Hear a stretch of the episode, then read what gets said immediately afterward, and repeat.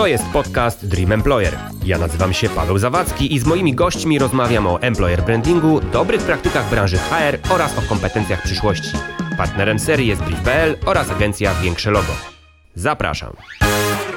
To jest podcast Dream Employer. Dziś moim gościem jest Adrian Martinez, współzałożyciel firmy konsultingowej HR Embassy. Dzień dobry, witaj. Dzień dobry, witaj. To może takie pytanie otwierające na rozgrzanie. Czego dziś najbardziej potrzebuje branża HR? Ro ciężkie rozgrzewki robisz. Jak mój no, nie, jak nie może być łatwo. Jak mój nauczyciel WF-u, słuchaj. Um, moim, nie będę się wypowiadał na temat całej branży HR, bo HR dzielimy trochę na ten miękki, ten twardy i tak dalej. E, moim zdaniem potrzebuje kreatywności trochę. Hmm. Kreatywności w rozumieniu podejścia do komunikacji, zwłaszcza tej zewnętrznej, ale też tej wewnętrznej, czyli odejście może od tych takich na co dzień używanych przez wszystkie firmy i powielanych e, rozwiązań typu owocowe czwartki, które już są legendą. Na... Owocowe czwartki stały się jakimś takim HR-owym żartem chyba. Powoli, tak. Powoli się stają. Powoli nie? tak, ale są, są jakieś trendy, które branża podłapuje i, i wykorzystuje, ale to nie jest tylko w HR-ach, w marketingu również e, się to działo e, trochę może na mniejszą skalę, natomiast są trendy, które branża podłapuje i wykorzystuje do do, do, tak, do, do pełna, to, to aż tak za bardzo. Także po prostu już stają się właśnie trochę mm, nie wyróżnikiem, ale właśnie wręcz odwrotnie. Więc y, wydaje mi się, że kreatywności w pewnym sensie. Okej, okay, czyli co? Y, kreatywność rozumianą przez taki powiew świeżości, czy te owocowe czwartki tylko jednak z coraz ciekawszymi owocami? Bo to łatwo jest y, prze, y, prze, przegiąć w pewną stronę. Co rozumiesz przez tą taką mhm. kreatywność? Czy, czy, czy to być coś absolutnie nowego, czy jednak trzymamy się w pewnych ramach i, kombinujemy sobie wokół tego. Dobra. Zacytuję znaną osobę, będzie cudownie. E, Steve Jobs kiedyś powiedział bardzo mądrą rzecz, bardzo prostą rzecz, ale mądrą rzecz. Nie, jeżeli chcesz się rozwijać, to nie rób czegoś lepiej, nie, nie rób coś lepiej niż inni, tylko rób coś inaczej. Mhm. I trochę o to chodzi, że szukajmy nowych rozwiązań, nawet w zakresie well-beingu, w zakresie sourcingu, w zakresie employer brandingu, szukajmy nowych rozwiązań, a w nich tych, które już wszyscy robią. Tutaj boty na Messengerze, chatboty rekrutacyjne w pewnym, w pewnym momencie i zresztą nadal mają swoją, swoje mo, mo, chwile świetności i po prostu wszyscy zaczęli je wykorzystywać i nagle to był jakiś sposób na to, żeby się wyróżnić, a teraz ponieważ wszyscy to mają, więc to już nie jest sposób, żeby się wyróżnić. Um, tak samo, więc to jest jedno, jedna rzecz. Druga rzecz to jest trochę bardziej spojrzenie na trendy, które niektóre obecnie są, czy które są w tym roku, ale trochę może takie wróżenie sposób, co będzie, co będzie się rozwijało w przyszłości. Moim zdaniem na przykład ten rok dla mnie był takim mocnym rokiem, jeżeli chodzi o employer branding, w którym ja się specjalizuję. E, w tym roku bardzo mocno zaczęło być wykorzystywane wideo w rekrutacji employer brandingu. Oczywiście one było wykorzystywane wcześniej, ale w tym roku zaczęli, firmy zaczęły wreszcie dostosowywać wideo do, um, do tego, jak powinno ono wyglądać online, czyli jaka jest specyfika samego online'u. Więc to jest jakby w tą stronę zaczęliśmy iść. Spójrzmy, tak jak trochę może branża marketingowa, trochę dalej, jakie są rozwiązania w e-commerce, które działają i może spróbujmy je zaadaptować do HR-ów, bo jest to wbrew pozorom bardzo proste. E, a dużo z tych rozwiązań e, stosowanych już w e-commerce, żeby ułatwić ludziom życie, nie jest stosowanych w HR-ach jeszcze. Mhm. No właśnie o, to, o tą innowacyjność i o, te, o to, co powiedziałeś, czyli myśleć trochę inaczej. Chciałem, chciałem podpytać, no bo prowadzicie jako HR Embassy szkolenia, warsztaty, konsultacje. Tak. Co takiego innowacyjnego, czy ciekawego, czy nowego proponujecie? Albo jakie macie takie nowatorskie podejście, którym się chwalicie, albo które według ciebie jest tym, jak powinno się to właśnie robić? Znaczy, my jako jedna z niewielu firm na rynku łączymy dwie rzeczy ze sobą. Bardzo mocne doświadczenie HR-owe, z doświadczeniem y, moim marketingowym. Mhm. I, I dlatego jakby jeżeli wchodzimy, bo my, jeżeli chodzi o szkolenia, warsztaty, to mamy zazwyczaj, mamy swój proces jakby szkoleniowy, mamy swój proces, y, który wprowadzamy do firm, y, żeby efekt był jak najlepszy, ale to, co jakby robimy, najwięcej tego, co robimy ostatnio, to są konsultacje z zakresu employer brandingu, y, gdzie wchodzimy do, współpracujemy z firmami, wchodzimy niemalże do firmy, stajemy się prawie, że pracownikami i razem z nimi pracujemy nad strategiami ebowymi, nad rozwiązaniami w zakresie employer brandingu. I większość firm z tego zakresu ma zazwyczaj albo się specjalizuje w marketingu i są to agencje marketingowe, które próbują trochę o ten EB zahaczyć, no bo, bo to fajna rzecz i są pieniądze. Um, albo są to firmy stricte HR-owe, które mają genialny background HR-owy i znają się na komunikacji wewnętrznej, na rekrutacji, ale i na tych kwestiach HR. E, a my staramy się to łączyć. Mamy, współpracujemy, jakby my nie zatrudniamy konsultantów na stałe wszystkich, więc współpracujemy chociażby z Mają Gojtowską, która jest jedną z najlepszych osób, jeżeli chodzi o, o Candidate Employee Experience i łączymy to z, z tą moją częścią marketingową, e, czyli z tym, jak budować komunikację, jak tworzyć kreację, jak e, projektować digital candidate journey, czyli jak projektować tą ścieżkę podróży kandydata. I zwracając uwagę nawet na takie małe rzeczy jak UX strony, UX zakładki kariera. E, więc to jest jakby to, podejście takie, gdzie łączy się te, te dwie kompetencje w, jednym, w jedną całość, ma ręce i nogi e, i dużo więcej daje firmom finalnie. A co według Ciebie jest ważniejsze? To znaczy, powiedziałeś o tych dwóch e, rodzajach organizacji, czyli albo po jednej stronie mamy marketingowców, którym brakuje e, zacięcia HR-owego czy webowego, a po drugiej stronie mamy HR-owców, którym brakuje e, zacięcia marketingowego. Co według Ciebie jest ważne? Czyli gdzie, gdzie lepiej postawić punkt ciężkości? Czy lepiej, czy łatwiej wychodzi to jednej czy drugiej stronie? Wiesz, y, mm, które z tych kompetencji lepiej jest rozwijać? No bo oczywiście zakładam, tak jak sam powiedziałeś, takich firm jak twoja nie jest dużo, tak? Nie każdy ma takie możliwości, żeby łączyć jedno i drugie. Mhm.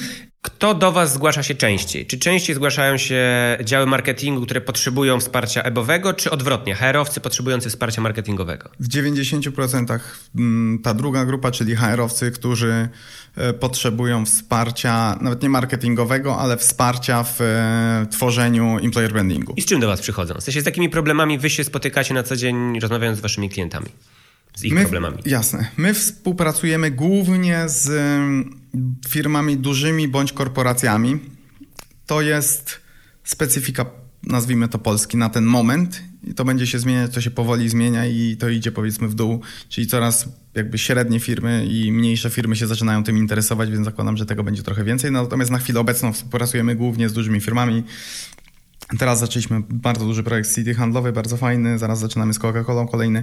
E, natomiast przychodzą do nas zazwyczaj z problemem, nie wiem jak się całościowo za to zabrać albo właśnie, to nawet nie chodzi o to, że oni przychodzą i mówią, nie mamy kompetencji marketingowej, żeby to no tak, zrobić. tak, bo nie, nie, zawsze każdy zdaje sobie sprawę z tego, czego mu brakuje, ale ma jakiś problem, Dokładnie, który leży tak. na stole. E, problem jest e, na case'ie. Jeżeli chodzi o City, no to chcą bardzo, jakby oni przez długi czas prowadzili rekrutację przez firmę zewnętrzną, teraz to większość tego będzie wewnątrz, więc chcą, i to jest bardzo fajne, świadomie podejść do, do tworzenia employer brandingu, no, w momencie, gdy przenoszą procesy, procesy bardziej do wewnątrz, e, więc w ich przypadku ma to wpływać na, na przykład na rekrutację. E, w, w, innych przypadkach oni często, jakby firma często nie przychodzi, żeby zaprojektować całą, całą strategię webową, ale żeby stworzyć video employer brandingowe.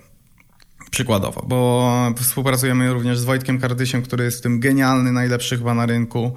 E, tworzy takie rzeczy jak ISK, czy, czy Grupa Żywiec, kampanie dość znane w, tym, w tej branży. Więc przychodzą do nas z tym, natomiast e, my staramy się nie mówić, ok, dobra, robimy, kiedy robimy pierwszy dzień zdjęciowy. Tylko znowu zaczynamy zazwyczaj, przy, i przy dużych organizacjach wbrew pozorom to nie jest takie ciężkie, zaczynamy zazwyczaj od warsztatu mapowania Candidate Employee Experience, który nam potem daje, tworzy cały content tak naprawdę. I on nam daje pomysły na to, jak stworzyć to wideo, w jakich kanałach je wydystrybuować, więc trochę mm, podchodzimy od krok wcześniej e, w tym przypadku. Więc um, dużo zależy od tego, co firma ma zrobione i na jakim jest stadium rozwoju i jak ma dużo problemów, a dużo nawet dużych firm ma dużo problemów pod kątem rekrutacji i pod kątem komunikacji z y, pracownikami i w ogóle jakby życia pracowników. No to teraz y, y, spróbujmy zrobić taki eksperyment myślowy. Y, ja lubię się bawić w takie rzeczy. Załóżmy, że przychodzi do ciebie czy do was organizacja, która mówi, nie mamy w ogóle działu employer brandingowego, HR-owego, kompletnie u nas to leży, znaczy nawet nie leży, nie mamy tego w ogóle. Nie? I teraz chcielibyśmy, żebyście nam pomogli zrobić to tak po bożemu, czyli tak, jak to powinno wyglądać, tak, jak się powinno to robić od zera.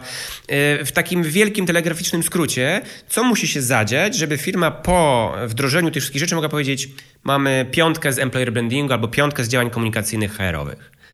O, to jest bardzo ciężkie pytanie. E, znowu mogę na case, tak, mhm. nie, bez nazwy tym razem.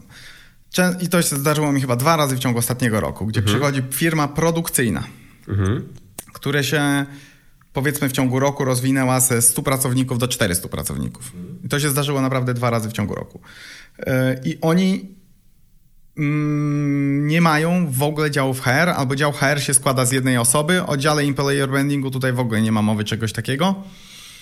I u nich trzeba zazwyczaj zacząć w ogóle nie od employer brandingu, bo employer branding ma to, to jest to, dlaczego ja lubię employer branding. Employer branding to nie jest tylko i wyłącznie komunikacja na zewnątrz i tworzysz piękne rzeczy i tworzysz skuteczne komunikaty i analizujesz to tak, tak, tak jak w marketingu, tylko to jest to, ale musi to wywodzić się z bardzo szczerego działań wewnętrznych, z bardzo szczerej komunikacji z kandydatami i z pracownikami. Więc w tym przypadku zakładam, że mają jakiś tam dział HR-ów już, ale pomagasz najpierw tworzyć, zaczynasz od tworzenia e, procesów wewnątrz, od, od stworzenia bardzo dobrych doświadczeń samych kandydatów, którzy wchodzą e, do organizacji, ale nawet ważniejsze, tych, którzy do niej nie wchodzą, ale biorą udział w procesie. Bo jeżeli wiem, masz dostajesz 100 CV, to zatrudniasz jedną osobę. Ważniejsze są odczucia tych 99, a nie tej jednej. No, bo ta jedna będzie zadowolona, będzie pracowała, no, dostała robotę. Dostała robotę. Tak, oczywiście może być niezadowolona i zdarzają się takie przypadki bardzo często. E, natomiast te 99 głosów jest nadal silniejszych niż ten jeden głos online.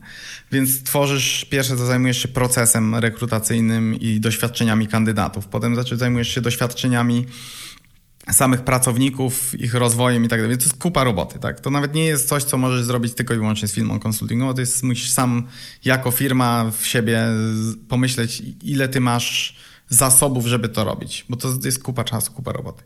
E, I dopiero potem możesz zacząć myśleć o tym, jak to możemy komunikować na zewnątrz, Oczywiście można to robić równocześnie, ale fajnie, jeżeli, fajnie jest to robić, jeżeli masz już poukładane. Jak to komunikować na zewnątrz?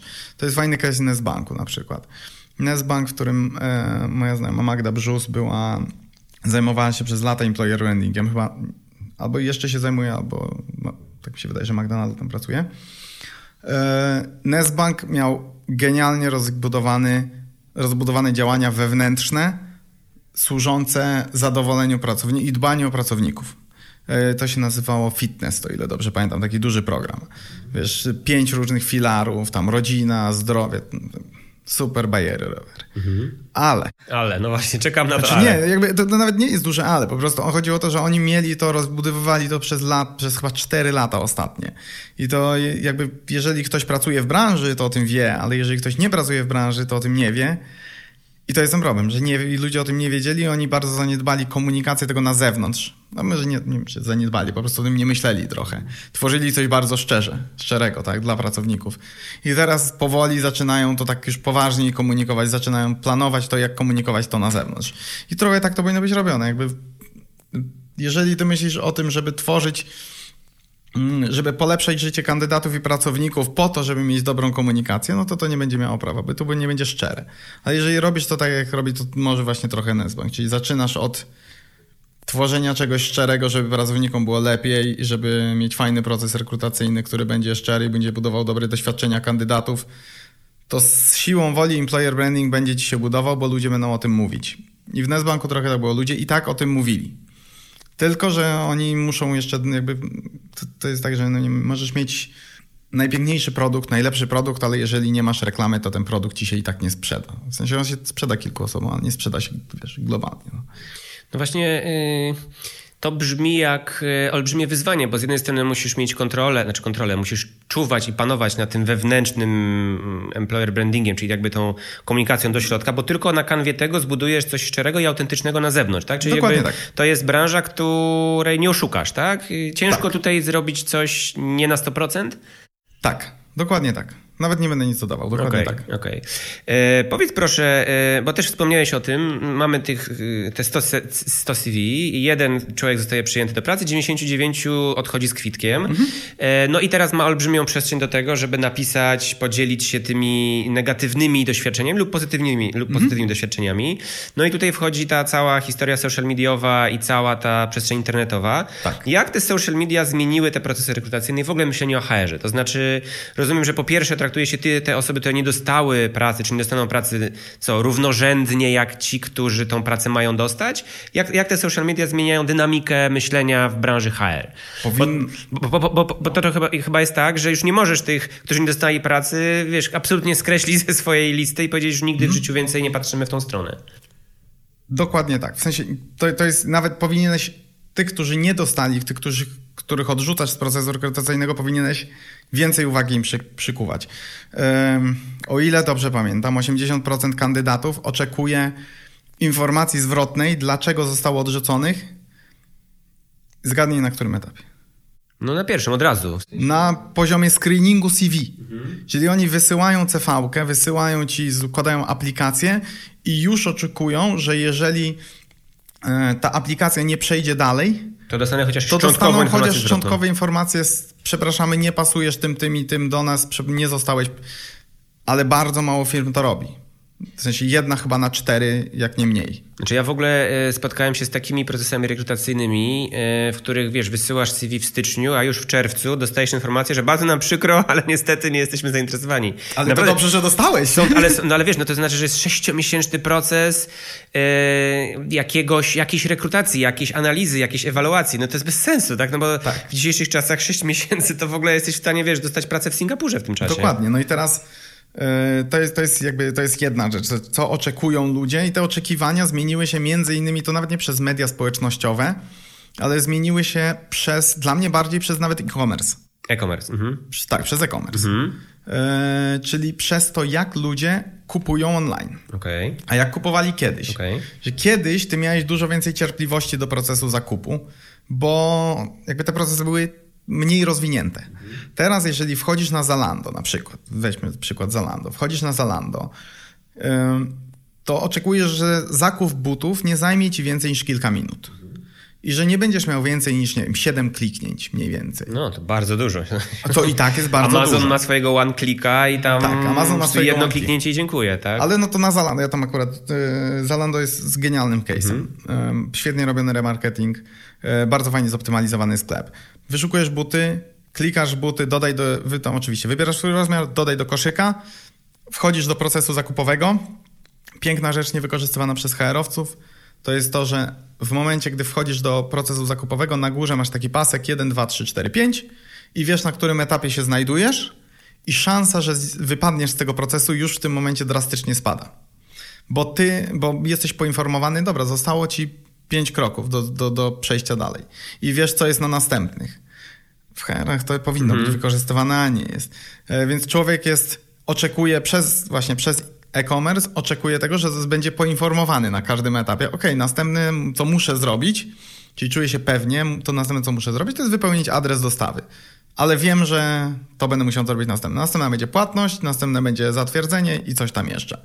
E, Więc przez ten e-commerce sprawia, że ludzie oczekują tego, że jeżeli coś robią online, to że będą się czuli pewnie, że będą się czuli bezpiecznie i że będzie to proste i że wiedzą, gdzie szukać przycisków, wiedzą, co nastąpi po sobie yy, i, i mają to poczucie bezpieczeństwa i pewności. W rekrutacji nie zawsze tak jest, bo często, jeżeli klikasz aplikuj i to jest tak, jakbyś klikał kup teraz. Klikasz aplikuj i nagle lądujesz na gigantycznym formularzu, który musisz wypełnić, a na informacjami, które masz w CV, a na końcu to CV i tak musisz załączyć. No to przełóżmy sobie to na zakupy. Jeżeli byś na Zalando klikał kup teraz i dostawał na twarz formularz dwustronicowy, który musisz wypełnić, e, a potem i tak załączyć y, nie wiem, wydrukowane zdjęcie butów, bo niemalże to tak wygląda, to byś powiedział, dobra, idę na e-obuwie. I tutaj trochę tak to wygląda. I nie jesteś poinformowany o tym, ile ci zostało, bo ty nie wiesz realnie, ok, kliknę, yy, kliknę, wyślij CV, ale może jeszcze tam będą jakieś zgody, może będzie jeszcze coś innego. I ty o tym nie wiesz, może będzie jakiś kwestionariusz, który muszę wypełnić, może pytania, na które muszę odpowiedzieć. I gdyby, nawet jeżeli to by tam było, ale byś był o tym poinformowany ad hoc, czyli byś po, był od początku świadom tego, to miałbyś dużo mniejsze prawdopodobieństwo, że wypadniesz z tego procesu. Więc te procesy online, e, to, to jakby to, co oczekują kandydaci i to, co firmy muszą robić, są bardzo mocno narzucane przez to, co robi marketing. Bo on ich wyprzedza i jeżeli będziemy obserwować, co robią marketerzy i jak oni konstruują te podróże kandydata, to będziemy tworzyć dużo lepsze procesy rekrutacyjne. Ostatnia rzecz, zwróćmy uwagę na to, ile pieniędzy rocznie wydaje się na badania. Zachowań konsumentów, a ile się wydaje na badania zachowań kandydatów. Na badania zachowań konsumentów wydaje się chyba 1 tryliard dolarów rocznie. Czy na badania zachowań kandydatów wydaje się 750 milionów dolarów rocznie, czyli tysiąc razy mniej. Więc jeżeli chcemy tworzyć dobre procesy rekrutacyjne, to siłą woli musimy czerpać z tego, co mają marketerzy, bo oni wiedzą tysiąc razy więcej i to nie jest nasza wina, to nie jest ich wina. Tak po prostu jest. Pieniądze są w innym miejscu ulokowane, więc powinniśmy czerpać z tego, gdzie są robione badania i tyle. To jest niesamowicie ciekawe, co powiedziałeś. Jakby nie, nie przyłożyłbym sobie wcześniej w głowie yy, e-commerce'u do HR-u. E, I zgadzam się z większością tego, co powiedziałeś. Znaczy, faktycznie jesteśmy przyzwyczajeni tak mocno do pewnych procesów, czy one są zakupowe, czy one są feedbackowe, no do różnych takich UX-owych historii tak. w internecie, które absolutnie nie przystają do tego, co się dzieje w branży HR-owej. Tak? tak. Te, te sześciostronicowe formularze, to jest w ogóle, które dostępne są dopiero po założeniu konta na jakiejś platformie, to jest w ogóle bezsens. Zwróć uwagę na jedną rzecz jeszcze wtrącę. Mhm. Jak zamawiasz buty na Zalando, to ty oczekujesz tego, że w momencie, gdy je zamówisz, dostaniesz maila, a w momencie, gdy oni wyślą je kurierem, ty dostaniesz SMS-a. Jeżeli nie dostaniesz SMS-a, to ty wariujesz. W sensie Wiesz, czujesz no, się niepewnie i, i, i, do nich dzwonisz. To się zgadza, no ale to też trochę jest tak, że w tych e, ścieżkach, znaczy po pierwsze, e, wiesz, no ciężko jest porównywać kandydatów do pracy do butów, bo buty sobie leżą w magazynie i czekają Oczywiście, na swoją kolej. Tak. E, ale wiesz, to też trochę jest tak, że w przypadku tych procesów zakupowych 99,9% dzieje się automatycznie. To znaczy, Oczywiście. Wiesz, buty od kliknięcia do dostawy mogą nie trafić na żaden ludzki komponent po drodze, tak? Mm. To znaczy, są wybrane z magazynu automatycznie, tak. zapakowane automatycznie, cały remarketing dzieje się automatycznie. Tak. Żaden człowiek nie wie, że ty zamówiłeś te buty poza tobą. Oczywiście, że tak. No, tak? zresztą magazyn jest zautomatyzowany. W ogóle nic, tak? tak? Nie masz żadnego komponentu ludzkiego na całym tym procesie. Tak.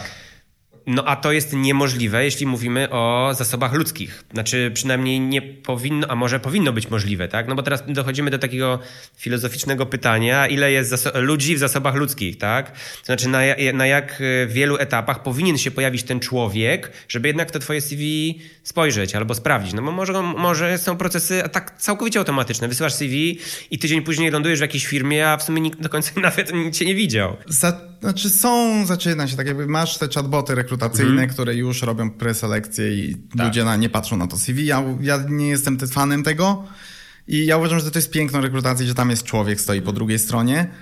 Jakby ale z drugiej strony uważam, że jeżeli ludzie są przyzwyczajeni do tego, jak wyglądają procesy online od, zakupowe, to my powinniśmy to wykorzystywać w rekrutacji. Yy, nawet w, jakby w małym stopniu właśnie, pokazując im proces, wysyłając im mimo wszystko tą informację, nawet jeżeli ona nie będzie wysłana od razu, ale wiesz, będziesz, będzie wysłana, nie wiem, dzień później. Yy, poza tym, jeżeli ktoś złoży CV, to bardzo prosto jest zautomatyzować to, żeby dostawał od razu maila. Dziękujemy Ci bardzo, że złożyłeś swoje CV. W ciągu trzech dni odezwie się do nas swój rekruter yy, albo mailem, albo telefonem i, i tyle. Jakby, I przynajmniej człowiek jest poinformowany. I tam dalej może wejść sobie człowiek i to dalej jakby robić dobrą robotę, tak jak w e-commerce. E, ale masz, jakby masz już w tym momencie właśnie chatboty, które robią ci preselekcję CV, czyli patrzą, masz jakby wymagania, ty składasz cv albo tak naprawdę wypełniasz, odpowiadasz na pytania. Jeżeli nie maczujesz, to bye bye. Mhm. Tylko problem mój jest z tym taki, że jeżeli chciałbym zatrudnić nie wiem, CMO, na przykład, tak, ma, e, dyrektora marketingu. I moje wymagania były wykształcenie wyższe, doświadczenie tyle i tyle i puszczam, puszczam to. to.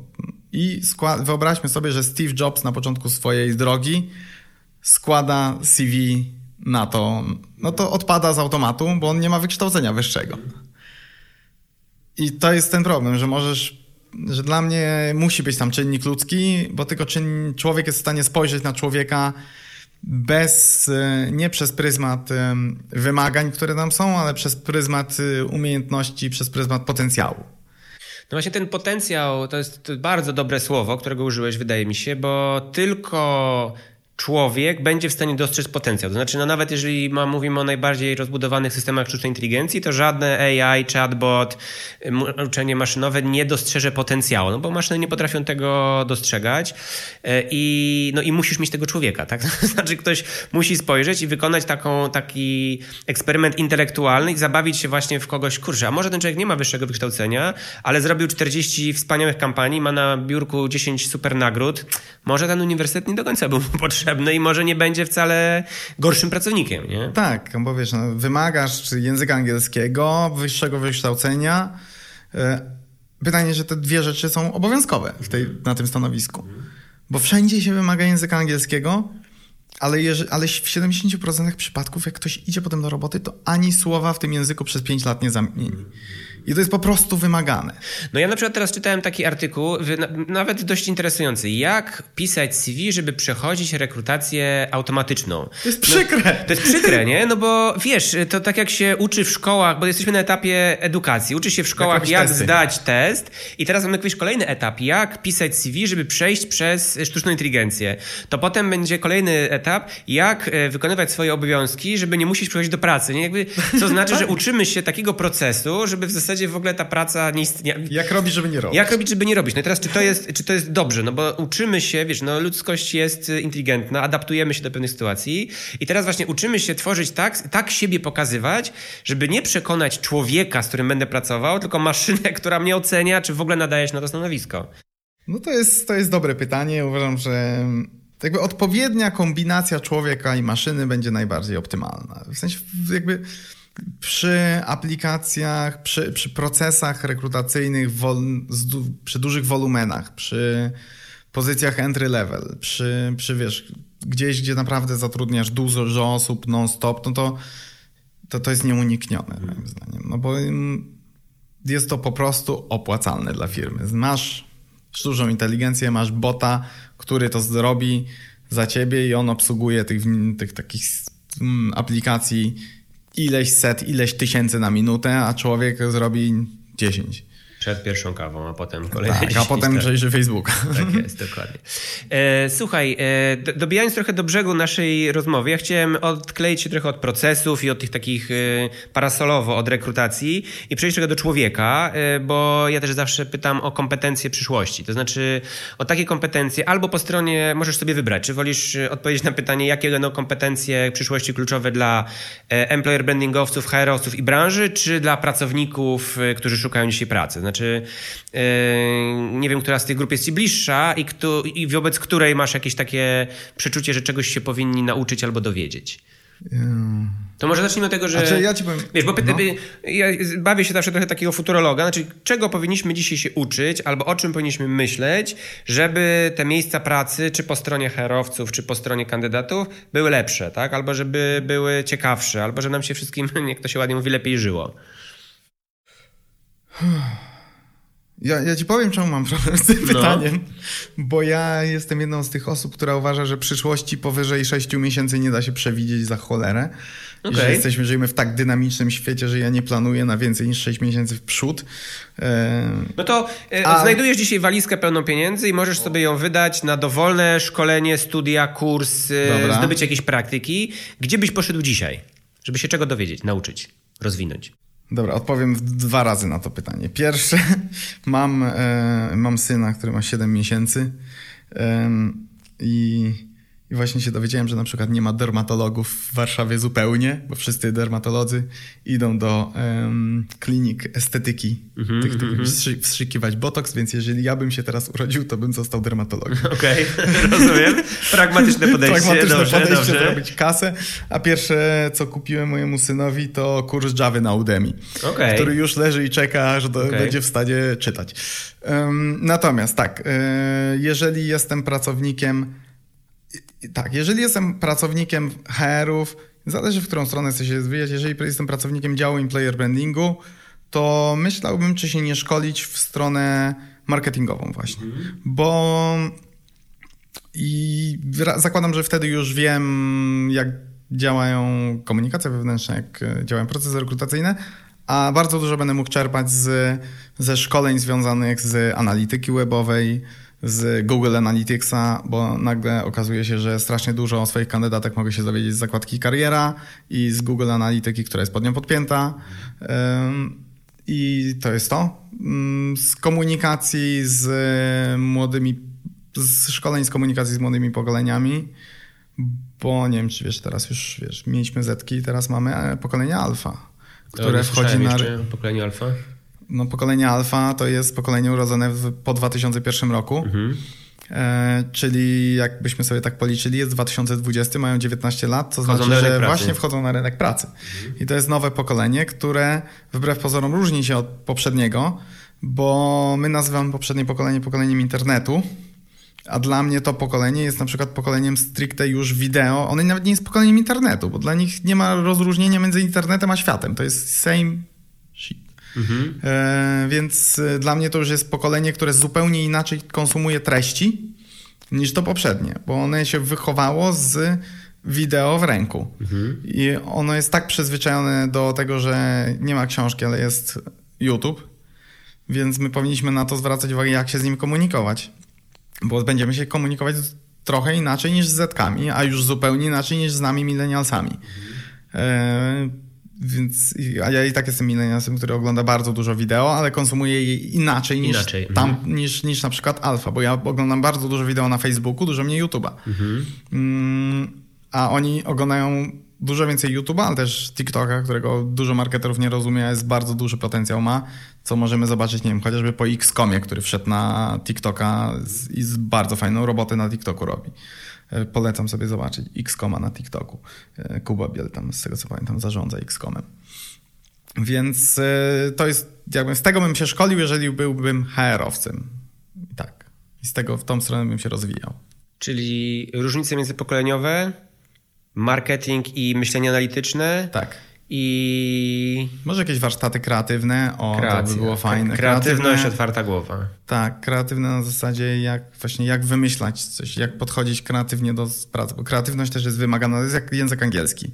Jest wymagana na każdym CV ale realnie, jeżeli spojrzysz na to, gdzie... Ale ta kreatywność to jest takie słowo klucz, odmieniane przez wszystkie przypadki, tak, tak innowacyjność, kreatywność, elastyczność. Tak. No są takie rzeczy, które jak ja czytam czasami ogłoszenie o pracę, to tam właśnie są takie słowa, tak, wyższe wykształcenie, kreatywność, otwartość, angiel... i to jest wszyscy, wszystko... Ogłoszenie na sprzątaczkę. Y, tak, i, i wiesz, i, i, i, i owocowe czwartki, tak? na koniec jako niesamowity feature i to już y, rodzi taki śmiech w branży, tak? Więc teraz pyta pytanie, jak będą wyglądały, może powinniśmy zadać pytanie, jak będą wyglądały nowoczesne ogłoszenia o pracę, tak? Żeby przyciągać te prawdziwe talenty, wiesz, bo, bo takich ogłoszeń w stylu szukamy młody, dynamiczna firma, moda dynamiczna firma szuka, tak? Ale zobacz, to niby rodzi śmiech branży, ale z drugiej strony, jak sobie zaczniesz przeglądać Pracuja i, i inne portale z ogłoszeniami, to nagle zobaczysz, że to rodzi śmiech, ale najwyraźniej nie na tyle rodzi śmiech, żeby ludzie tego nie robili, bo znaczna większość ogłoszeń, przynajmniej jedną z tych rzeczy, którą wymieniłeś, ma w, na swojej checkliście. A nowe ogłoszenia... Z, um, kurde, jest taki portal niemiecki z... Um, coś jakiś tak... Jak mhm. Pracuje o podobny, tylko że na wyższym poziomie Nie pamiętam nazwy. Kiedyś mi pokazał Michał Gąszczyk z InHire'a. Jest taki fajny portal Welcome to the Jungle, na przykład jest francuski i tam każda firma ma swój własny profil i oni pokazują wideo ze środka, pokazują wywiady No, z pracownikami. właśnie o to mi chodzi. Pokazują, jakie mają słodycze w automacie, pokazują, jakby wiesz, wchodzi nie, nie tylko wideo, to jest wideo, content, grafika, blogi, zdjęcia, Tak, tak, tak. blogi pracownicze, ale jakby wiesz, wchodzisz do firmy, nie? W sensie Tak. czujesz się tak, jakbyś przez jeden dzień, tam ile chcesz, obejrzał sobie wszystkich pracowników, zobaczył sobie, jaką mamy kawę, oczywiście zobaczył, jakie mamy działy, jakie mamy zadania, ale to jest takie, no właśnie ten, te- te- ta dżungla tutaj w tej, w tej nazwie firmy jest takim, tak wygląda nasza firmowa dżungla, nie? I proszę, poczuj to, zobacz, to ci w ogóle odpowiada. Dla A dla przy okazji masz w ogóle ogłoszenie o pracy. Tak by, to ogłoszenie o pracy jest dodatkiem do kultury organizacji. Dla mnie fajne jest to, jak masz na przykład ogłoszenie o pracę i w tym ogłoszeniu masz na przykład wideo, ale nagrywane przez pracowników, ale nie randomowych pracowników, na przykład z HR-u, tylko przez pracowników, z którymi będziesz pracował. Czyli jeżeli to jest, nie wiem, Java developer, to masz e, Jakiegoś lida swojego. Masz jakiegoś lida, który ci mówi, cześć, będziesz dołącz do mnie, super, to jest Jarek, pokazuje ci juniora, z którym będziesz, który będzie twoim juniorem. E, I cały team poznajesz. Tutaj jest twoje biurko. Jakby to jest to jest ten, to, w którą stronę moim zdaniem powinniśmy i chcemy iść, bo chcemy, żeby człowiek po, ogłoszeniu, po przeczytaniu ogłoszenia mm, czuł się, że wie, gdzie on realnie idzie i wie coś więcej o firmie niż to, że oferuje owocowe czwartki, mu kartę multisport i stabilne zatrudnienie. Bo stabilne zatrudnienie jest super, ale dla pokolenia e, baby boomers, dla pokolenia troszkę, tro, trochę starszego. Ale dla młodego pokolenia to nic nie znaczy, bo oni zmieniają pracę co półtora roku. Pytanie, czy to jest złe, czy nie, bo moim zdaniem nie do końca. Zależy też, kogo szukamy, tak? No mówi się o takim gig economy, tak? Że pracujemy od projektu do projektu albo od eventu do eventu, a nie w miejscu pracy jednym, potem drugim. Czyli jakby, że te młode pokolenia są przyzwyczajone do tego, że tu miesiąc pracują, tu miesiąc, tu dwa miesiące, trzy miesiące na Bali, a potem miesiąc w Paryżu. No jakby, że to jest taka, taka, taka Ja duża uważam, że to, dynamika. wiesz, to, to nie jest złe, tylko dużo zależy od tego, kogo szukasz. Bo jeżeli szukasz stabilnego pracownika, który będzie ci siedział te kilka lat i jakby tworzył cały zespół na przykład, to nie zatrudnisz zazwyczaj e, kogoś bardzo młodego, ewentualnie późnego milenialsa. Ale no to, to, to jest jakby ogłoszenia o pracę powinny pokazywać to właśnie to, kogo my szukamy. E, Jaki jest charakter, jak ta firma wygląda od wewnątrz, że jak ktoś przychodzi na rozmowę rekrutacyjną, to on już widział to miejsce. Jak wchodzi, do, to nie stresuje się na tej rozmowie i wtedy jest sobą, a nie jest zestresowanym sobą i rozmowa jest dużo trudniejsza i ciężej jest od niego wyciągnąć rzeczy, ciężej jest naprawdę go poznać. Więc w tą stronę powinniśmy, myślę, że w tą stronę będziemy iść, mam nadzieję. No to cóż, yy, coraz lepszych ogłoszeń o pracę, coraz lepszych kandydatów i miejsc pracy sobie, tobie i w ogóle całej branży życzę. Mam nadzieję, że na najbliższe miesiące, lata, pokolenia pokażą zmianę w dobrą stronę i wszyscy na tym skorzystamy. Bardzo dziękuję Ci za rozmowę i trzymam kciuki za sukcesy zarówno Twojej firmy, jak i całej branży HR-owej. Amen. Dokładnie tak, bardzo Ci dziękuję za rozmowę również. Dzięki za dziś. Pozostałe odcinki tego podcastu znajdziecie na Spotify, Apple Music, SoundCloud oraz w swoich ulubionych odtwarzaczach podcastowych. Do usłyszenia!